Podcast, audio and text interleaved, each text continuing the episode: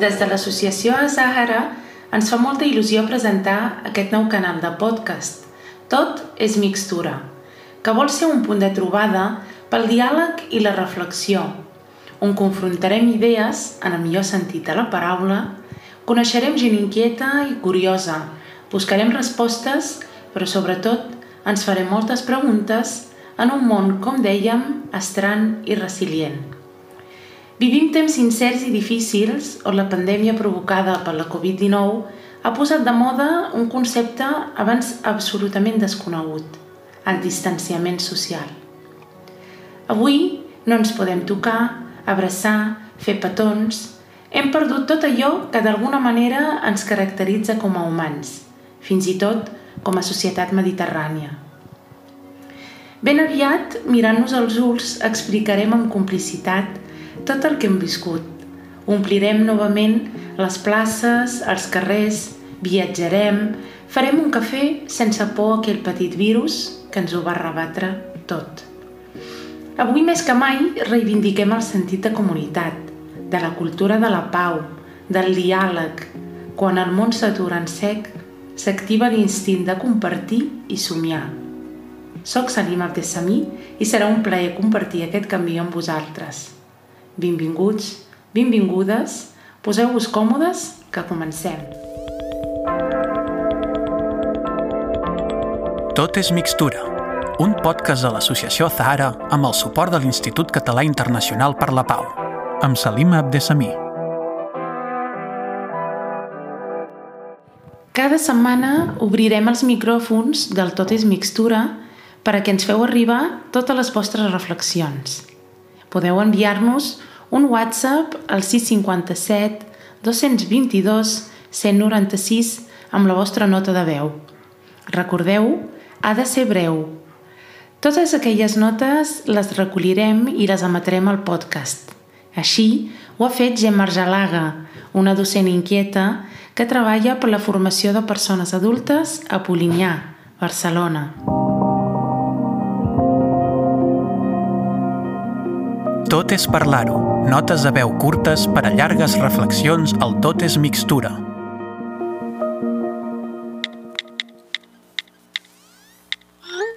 Hola, primer de tot, moltíssimes gràcies per haver-me convidat a participar en aquest espai, en aquest programa. Crec que espais com aquests són importantíssims pel tema que, que avui m'heu convidat a parlar sobretot per recollir la veu i la impressió de, de persones molt diverses i, i això suma i això fa entendre doncs, aquesta problemàtica des d'una visió més holística i global. Us parlo com a professora de persones adultes, on a part d'adultes també a les escoles d'adults de, de persones adultes venen moltes joves i moltes joves de perfils molt diferents. I entre elles, doncs, del perfil que avui parlem en aquest programet, que és joves amb, amb familiars directes o progenitors de trajectòria migrant.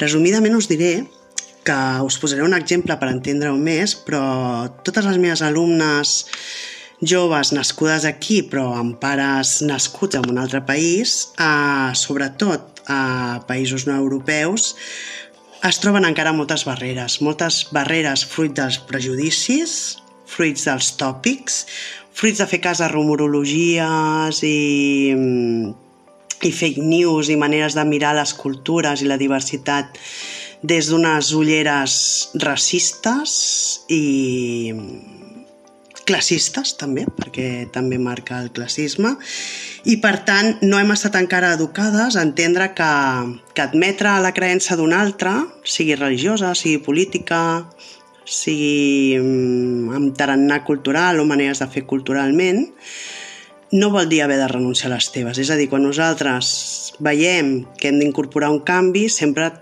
tenim la tendència a pensar que aquest canvi que incorporarem voldrà dir renúncia a alguna cosa. I ens costa molt veure que no renuncies, o sigui que aquestes persones que tenen familiars en cultures diferents i molt diferents a les nostres, el que fan és incorporar la cultura dels pares i les mares a la seva, que és la cultura d'aquí, perquè són d'aquí i han nascut i han crescut aquí. I aquesta negació de la identitat em sembla una aberració, perquè per mi atenta directament a, a un dels drets fonamentals que és el dret a la nacionalitat, a tenir un espai, a sentir-te pertinent i formar part de un col·lectiu, un grup i una cultura. I això comporta doncs, una sèrie de coses doncs, que en lloc d'ajudar a estar doncs, cohesionats i a una convivència tranquil·la i en pau, a crear distorsions i a generar doncs, reaccions violentes, molt violentes, molt desagradables i que atenten realment contra la integritat de les persones i la dignitat de les persones.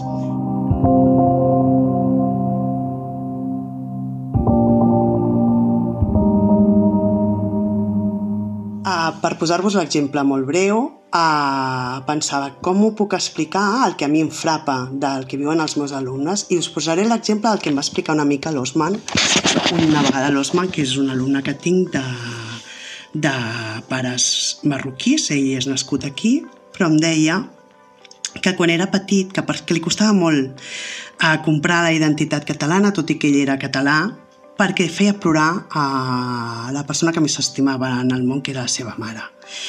I l'exemple que em va posar, que a mi em va frapar i em va fer plorar també, um, era que, que, clar, ell desitjava en tot cor que la seva mare estava sempre ocupada amb els seus germans i, i, bueno, i, i treballant així clandestinament.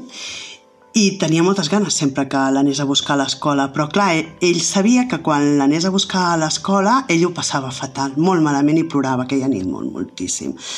Perquè quan l'anava a buscar a l'escola després anaven al parc i en aquest parc sempre hi havia molts nens i nenes i moltes mames, sobretot, perquè la, la cura, un altre gran prejudici que podem abordar, doncs encara el tenen les dones, majoritàriament. Doncs moltes mares doncs, estaven juntes amb un grup, però la seva mare no formava part d'aquell grup.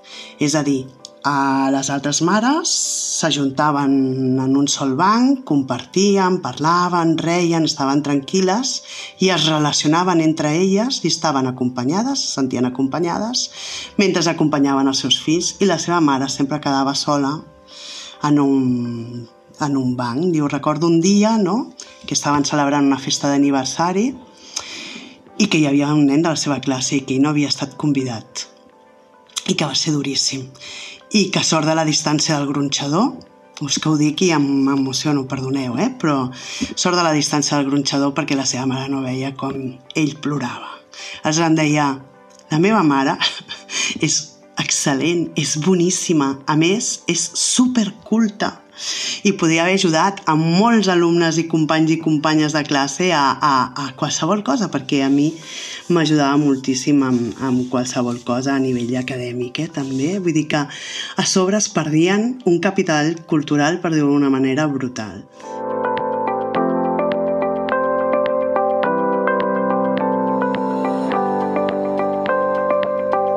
Bé, crec que, que no cal afegir res més a això a, a les distàncies que nosaltres des d'aquí provoquem a les persones que són d'aquí pel sol fet de tenir una manera de fer, de pensar, de creure diferent a la nostra i que actualment en el segle XXI encara creguem que hi ha creences úniques, veritats úniques i maneres de pensar, sentir, fer úniques és molt perillós i més ho estem veient i s'està reflectint també en la gestió política i amb els grups polítics que sobresurten. Penso que hauríem de treballar l'empatia i pensar com ens sentiríem nosaltres si fóssim l'Osman i com ho viuríem perquè és molt dur um, realment veure que només perquè vens d'una cultura diferent la teva mare no, no es pot relacionar amb les altres persones. Escoltada la nota de veu d'aquesta setmana, ara ens posem roba còmoda perquè sortim a fer un tom per conversar amb persones interessants i, per què no, prendre alguna cosa. És temps d'entrevista. L'Hora del Te. Converses inspiradores per canviar el món. Hi ha un proverbi àrab que diu que la vida és com prendre un té amb menta. Som el que vivim. tot allò que carreguem a les nostres motxilles, bones i dolentes experiències. El proverbi diu que el primer glob de té és amarg com la vida, el segon, dolç com l'amor i el tercer, suau com la mort. Vida, amor i mort, tres conceptes que ens acompanyen i ens condicionen. En cada episodi del Tot és mixtura farem un té amb persones anònimes que protagonitzen històries de vida extraordinàries.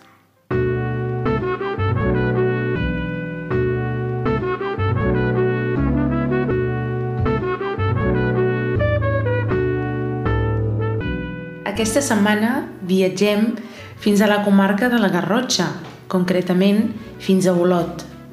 Allà ens hi espera la Navila, una dona valenta, inspiradora, atrevida i a la vegada sensible i tenaç.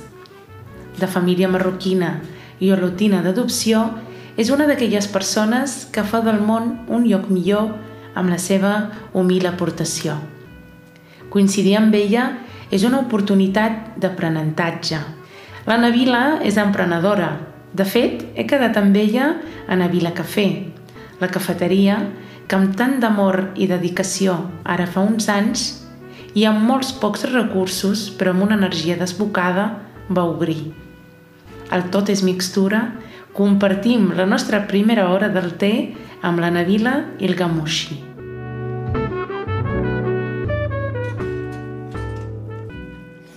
Bona tarda.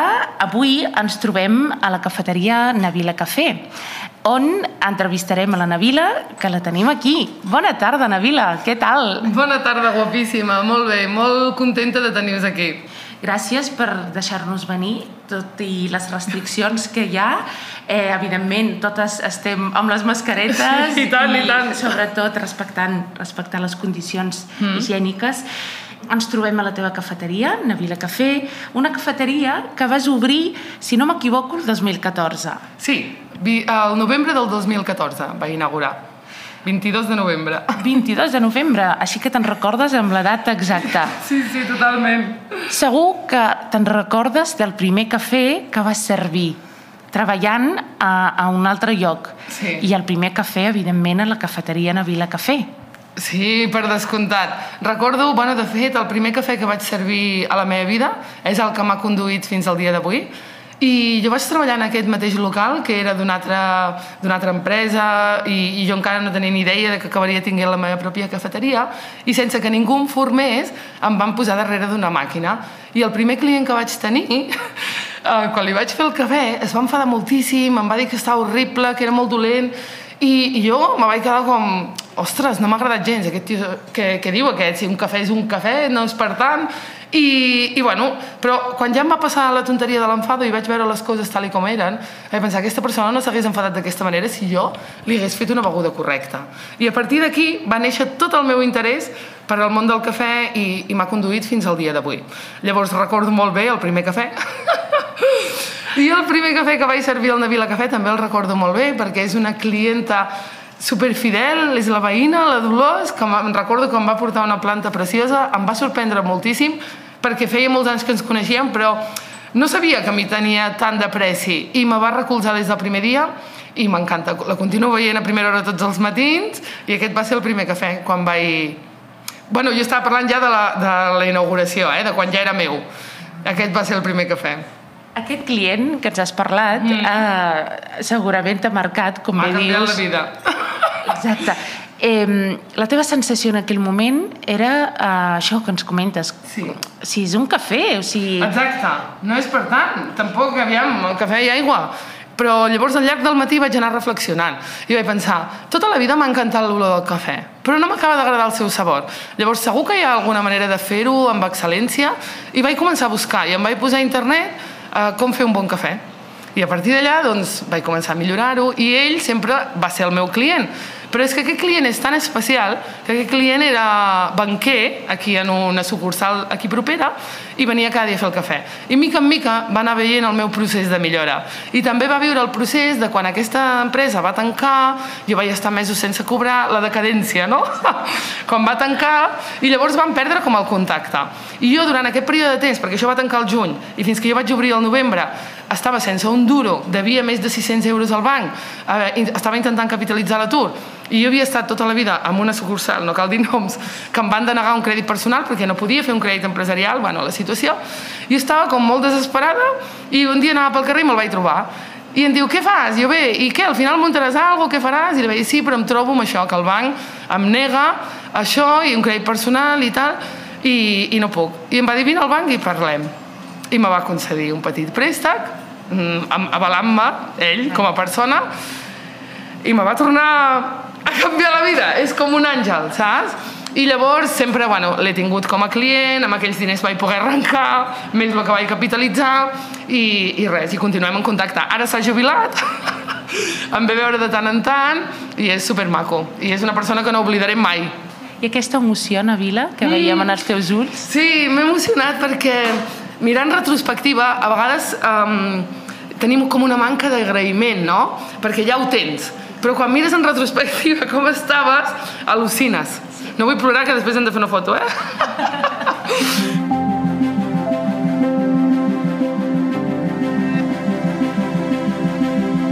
Ho penso ara i és totalment irracional que una persona que tingui menys 600 euros, que porti 6 mesos sense cobrar, que no tingui una possibilitat de rebre cap ingrés i que es plantegi obrir un negoci, aquí hi ha una intervenció divina, saps?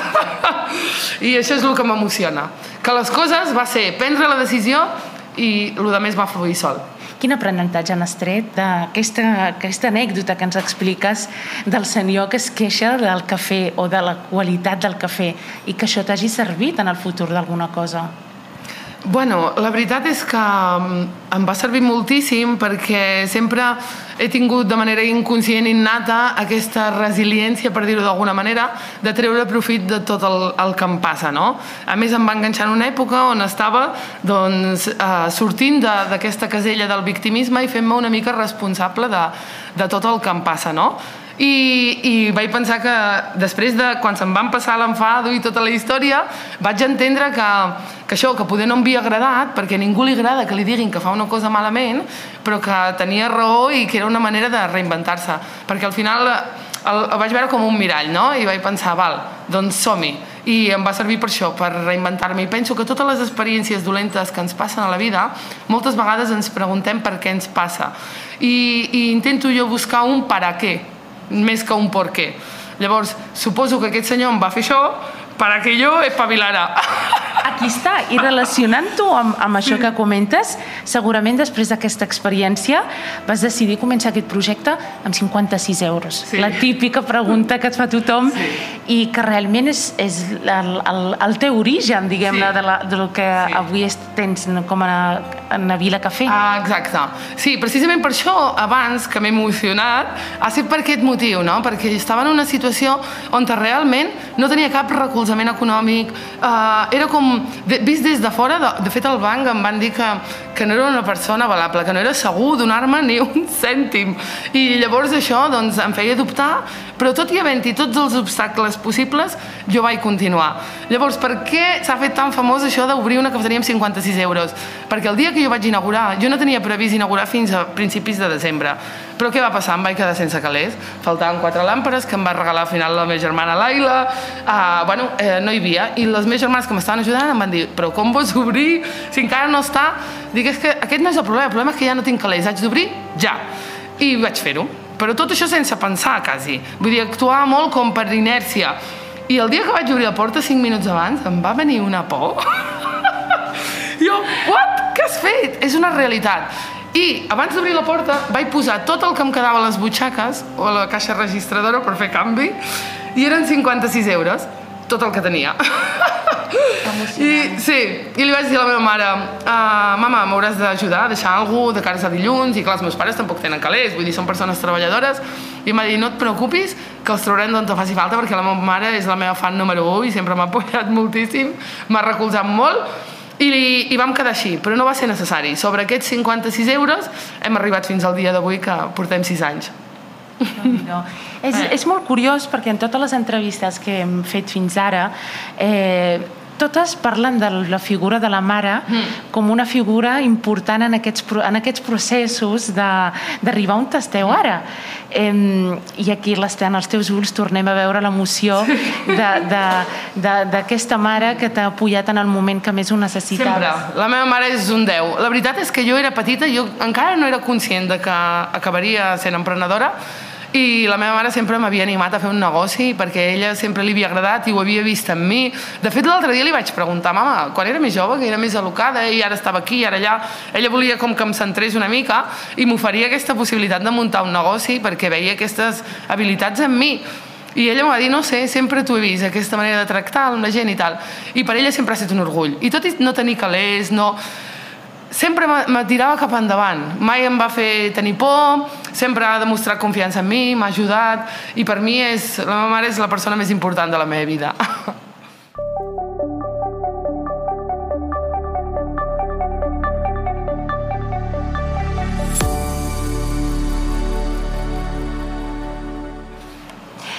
Ets nascuda a Olot? No, vaig néixer al Marroc, vaig néixer en un poble de Nador i els meus pares van venir aquí a Olot al 89.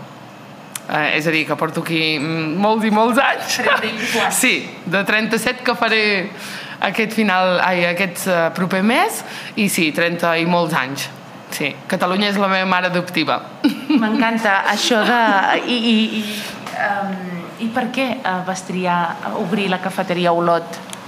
Uh, mira, jo sóc un... La meva mare sempre diu que sóc com un ocell, que és difícil estar-me quieta, no? Però des de que sóc mare, les coses... Bueno, des de que em vaig fer mare, les coses van canviar. Llavors, la meva vida personal també va canviar, em vaig separar, tot...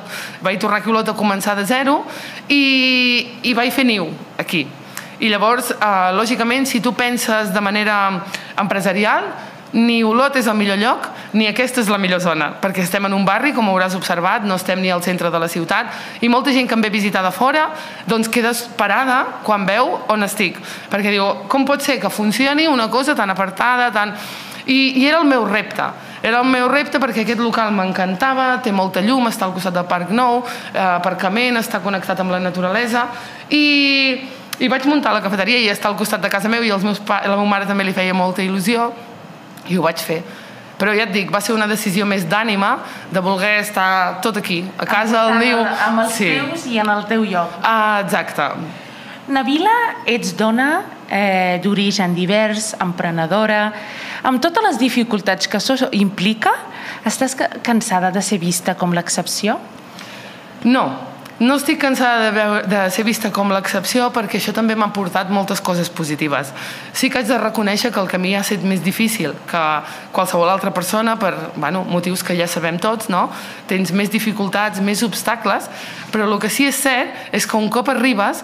Um, les, com ho diria, les satisfaccions o les recompenses són tres vegades més grans que qualsevol altra persona perquè milers de persones munten cafeteries cada dia.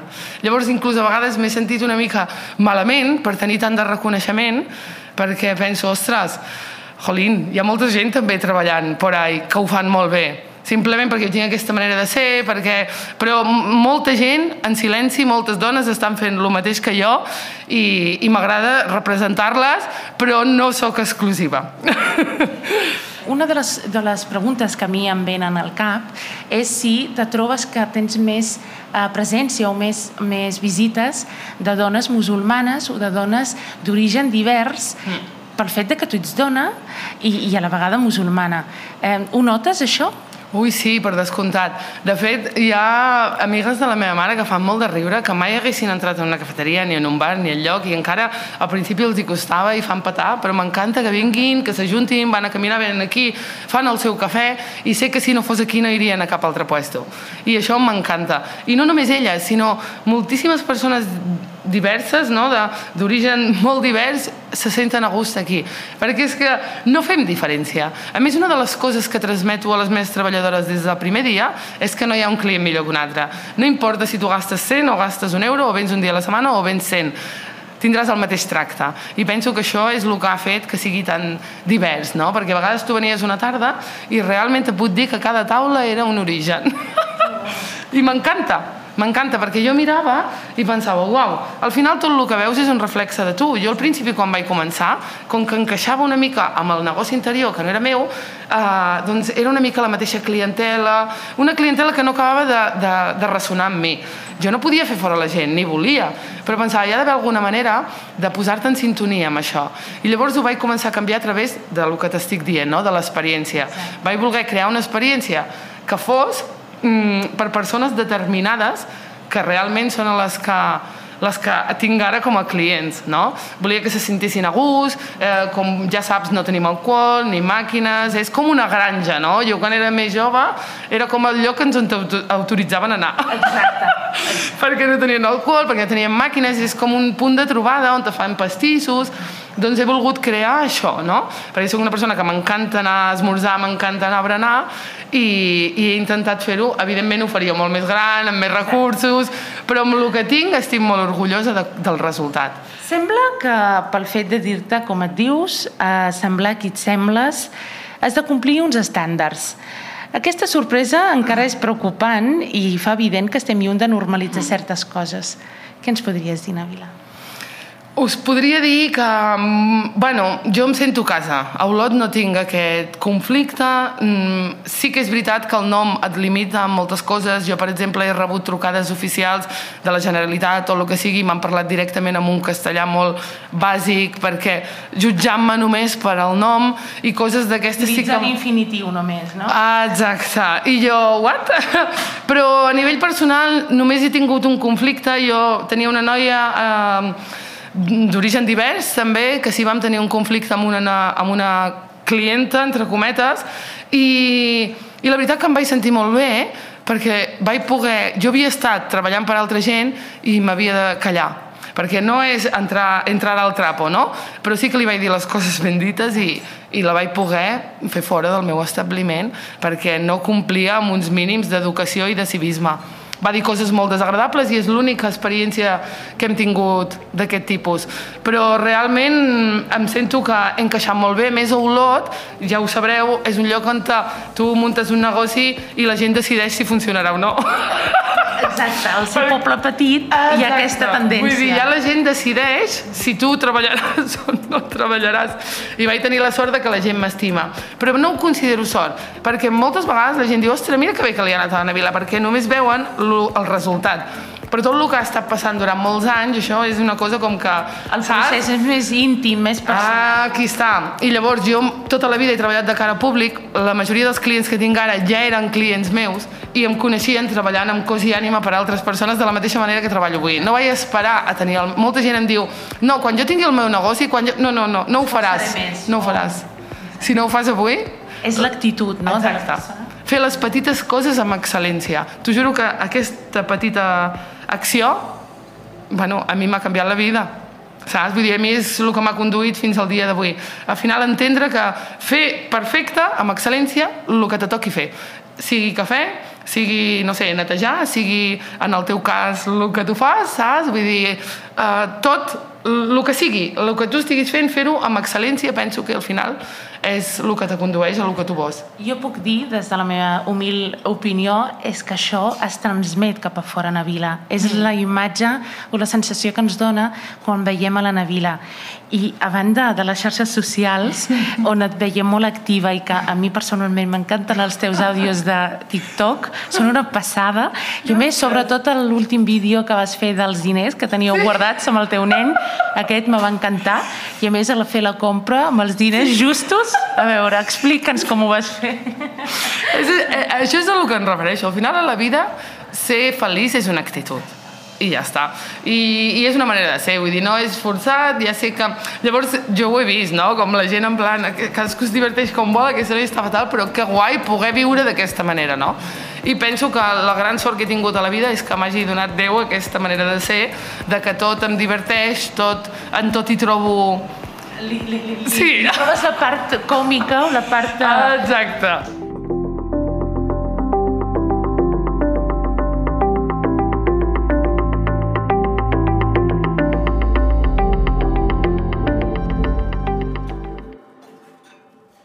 també estàs present a YouTube. Sí. Uh, el teu primer vídeo, on dones consells sobre com obrir una cafeteria, supera les 200.000 visualitzacions. A veure, segur que ets referent per moltes persones, però tu com a Navila, quins són els teus referents? Uau, m'agrada aquesta pregunta. La veritat que sí, aquest vídeo es va fer superviral i des de llavors no he parat de rebre missatges de gent que es va emocionar veient-lo. Uh, us haig d'explicar un cas en particular que haig de visitar d'una noia d'Oviedo que me va encantar, es va posar en contacte amb mi de les primeres, que estaven al punt de decidir si muntania un negoci, diu que estava rentant els plats, aquesta història algun dia la pujaré al canal, i estava escoltant el meu vídeo, diu, i de cop li van caure, va començar a plorar, i el dia següent va deixar la feina i, va com, i, diu, i sempre m'ho diu i ara té un negoci més exitós que el meu eh? vull dir, ella ha crescut moltíssim és, és un 10 però saber que jo vaig ser uh, igual que a mi altres persones com ara em preguntes em van inspirar a fer aquest pas saber que jo l'he pogut inspirar amb ella o alguna altra persona doncs m'encanta. I llavors quan em preguntes qui m'inspira no et puc dir només una sola persona però sí que és veritat que estic contínuament fent formacions online, escoltant podcasts, àudios i actualment escolto molt i estic fent un curs d'abundància de Sergio Fernández que és d'Instituto Positivo, no sé bueno, si el coneixeu, i llavors ell parla molt de uh, la llibertat financera, té un llibre que es diu Com vivir sin jefe. Clar, tots aquesta, aquests continguts són els que jo ja...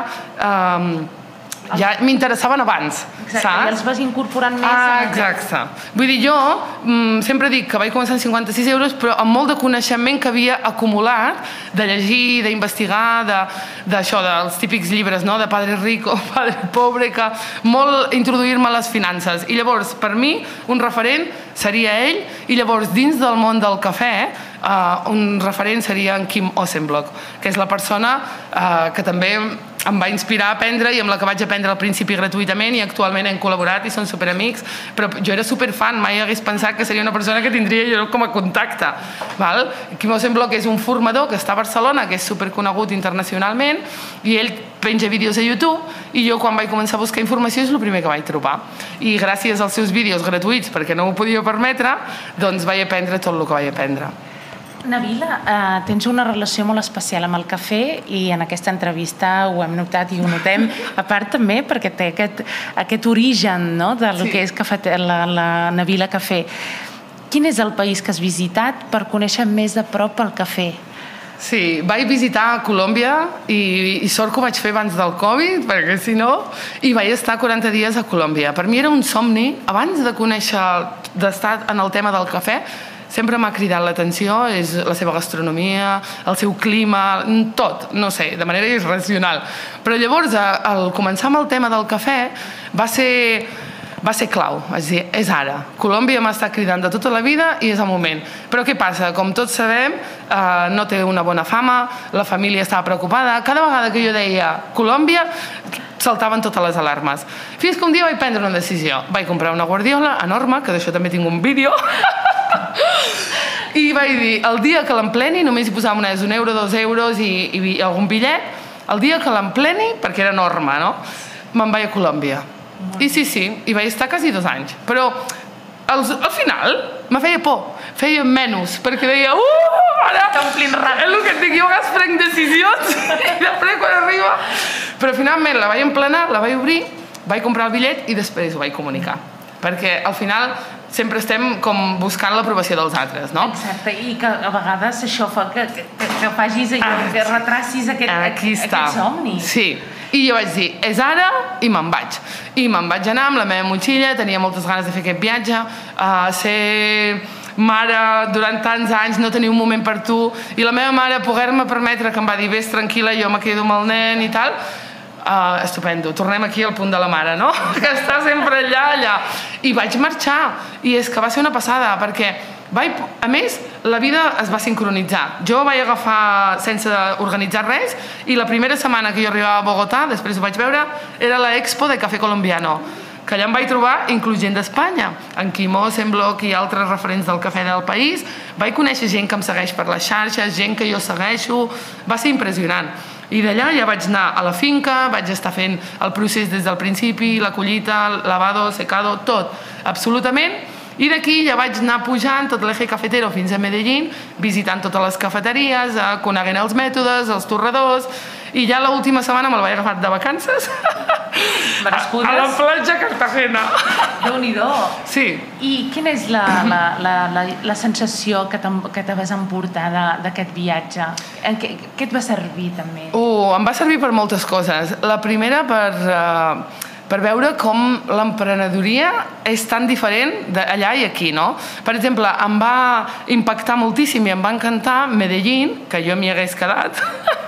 Uh, hi ha moltíssims emprenedors de fora, és a dir, alemanys, espanyols, que han anat allà, de la mateixa manera que jo, els hi ha agradat tant, que han muntat un negoci i, i, i s'han quedat, no?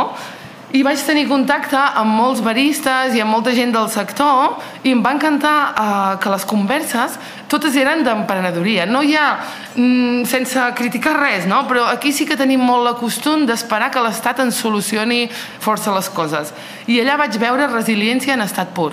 Les persones reinventant-se, pensant constantment què fer, com fer-ho. A més, és una ciutat, Medellín, que ha estat referent cosmopolita al costat de Nova York, però continua tenint, tinguent una imatge de, com la que ha donat Netflix i s'estan esforçant moltíssim per canviar-la.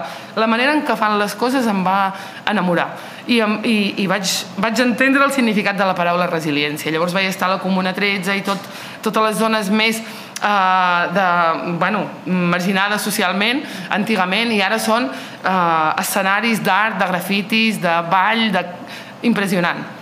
I aquesta és la imatge que moltes vegades no ens arriba i No per mala arriba. sort ens arriba només la imatge negativa no? Sí. de, de, dels mitjans a vegades o, o fins i tot de, de, no? d'allò que ens, que ens arriba d'alguna forma però que amb aquestes experiències com la teva, Navila, t'ajuda a trencar molts Oh, prejudicis. tant que sí, oh, i tant que sí. Aquest vídeo també és un dels més vistos i molta gent em diu, ostres, estàs loca a Colòmbia? Bueno, de fet m'ho deien quan vaig marxar, no tornaràs, em despedeixo de tu. I coses d'aquestes, i la gent li ha servit com veure, ostres, una dona sola a Colòmbia i ha tornat todo sweet? doncs no és tant com expliquen i realment em va encantar, sí que m'esperava pues, que hi hagués més risc, més... Què va? I la gent, la gent hi fa molt perquè la teva experiència sigui fantàstica, perquè volen, tenen ganes d'estar lluitant per fer un canvi, vull dir, fa masses anys que estan fent un canvi. Aquestes persones van viure una guerra del narcotràfic impressionant, on totes les famílies que vaig conèixer coneixien algú o tenien un familiar que havia mort en mans d'aquesta guerra de l'Estat amb el narcotràfic. Llavors no els agrada recordar aquesta història. Després de quasi 20 anys, ara Netflix ho posa de moda i ha fet molt de mal. I llavors jo vaig arribar allà i amb la decisió ferma de que no faria narcoturisme i de que em centraria en totes les altres coses que té que té el país, com és el clima, com és la vegetació, la, la, eh, la fruita, la gastronomia, llocs fantàstics per visitar, bueno, en fi, um, la rumba, tot. Saps? Eh, és una experiència que, que és, afegeixes més a la d'aquesta motxilla que portes, Sí. sí. Navila, i que, i que ajuda a obrir la nostra ment i veure més enllà del que ens venen o del que no? o de les coses negatives, Sí. perquè més enllà hi ha coses positives, hi ha experiències. Ah, exacte. Exacte, i jo penso que també és com una comparació a la gent que té por d'anar a un país musulmà perquè a la tele ens venen que si els terroristes, que si no vas tapat, que si... I, I de la mateixa manera que tot el que ens venen de Colòmbia és mentida, doncs el que ens venen d'altres països també. I jo convido la gent a viatjar quan passi tot això del Covid, a conèixer, a trencar barreres i, i, i deixar que les persones s'expressin i no etiquetar-les.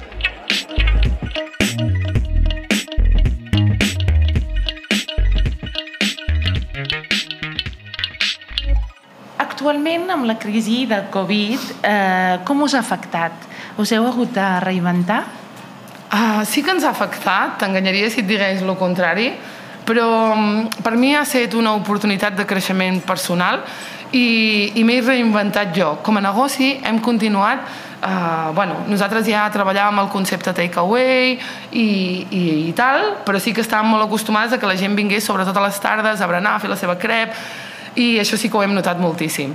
Llavors, el que hem fet és reduir, reduir horaris, canviar una mica, però no ens hem adaptat del tot als repartos, encara no tenim web, tot això encara ho hem de fer. Però per mi ha estat un procés difícil perquè em va enganxar amb moltíssima feina, que no sabia ni com fer-ho, que estava farta, que volia plegar, perquè jo havia tornat a Colòmbia i em va plegar una noia, l'altra estava de baixa, treballava tot el dia, estava saturadíssima.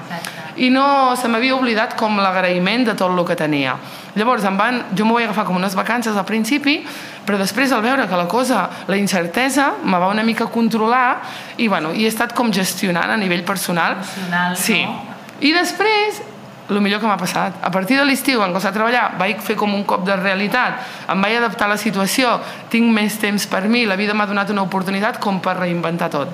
I sí que estem treballant en una nova carta, en, voler, en voler fer deliveries, i mica en mica.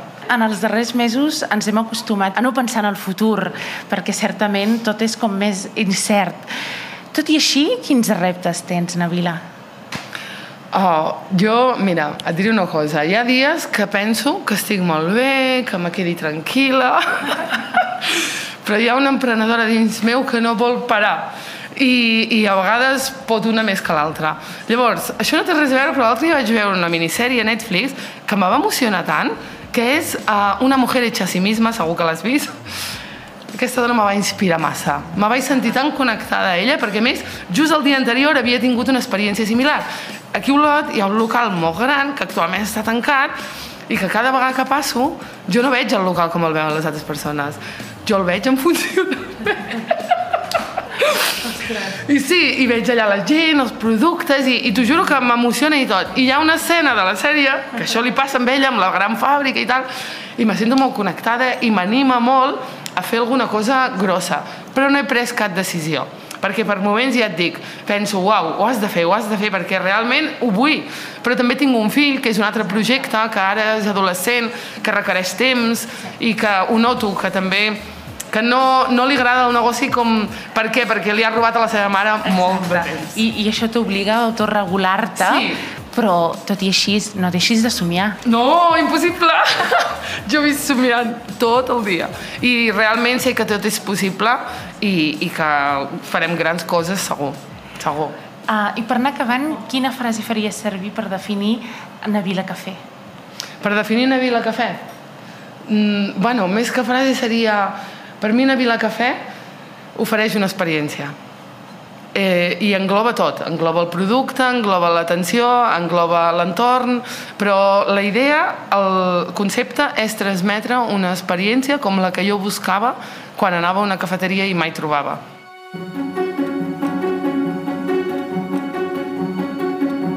Moltíssimes gràcies, Navila. Gràcies jo crec que és una entrevista estupenda.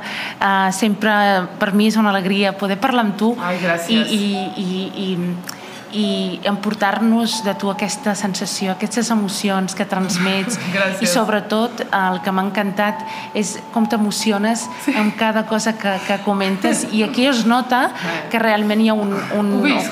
Exacte, que ho vius i que ho vius des, de, des del teu cor. Sí, sí, la veritat que sí. Jo també, bueno, t'ho he comentat abans, la veritat que m'encanta tot el vostre projecte. Ja la- l'altra vegada que ens vam trobar i que em vau donar l'oportunitat d'estar en aquell espai fantàstic, ja em vaig quedar super enamorada de, del vostre projecte i m'omple d'orgull poder estar aquí, poder seguir formant part d'aquest gran projecte i, i super feliç. La veritat que us agraeixo molt tot, aquesta repercussió, tot. La veritat que sí, i estic molt contenta. No sé què més dir-te perquè realment m'encanteu tots els que formeu part del projecte.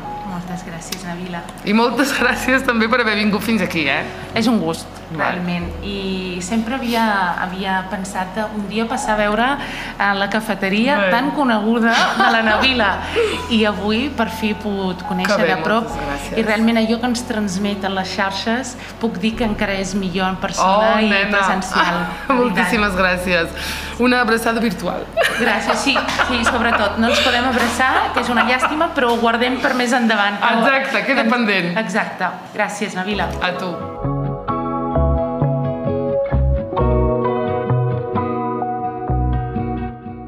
Fins aquí el podcast d'aquesta setmana. Ha estat un plaer compartir aquesta estona. Ens veiem al proper episodi del Tot és Mixtura, un podcast de l'Associació Azahara amb el suport de l'Institut Català Internacional per la Pau.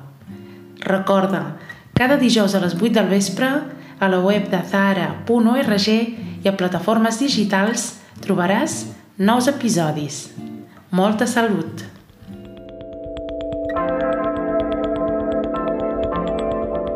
Tot és mixtura.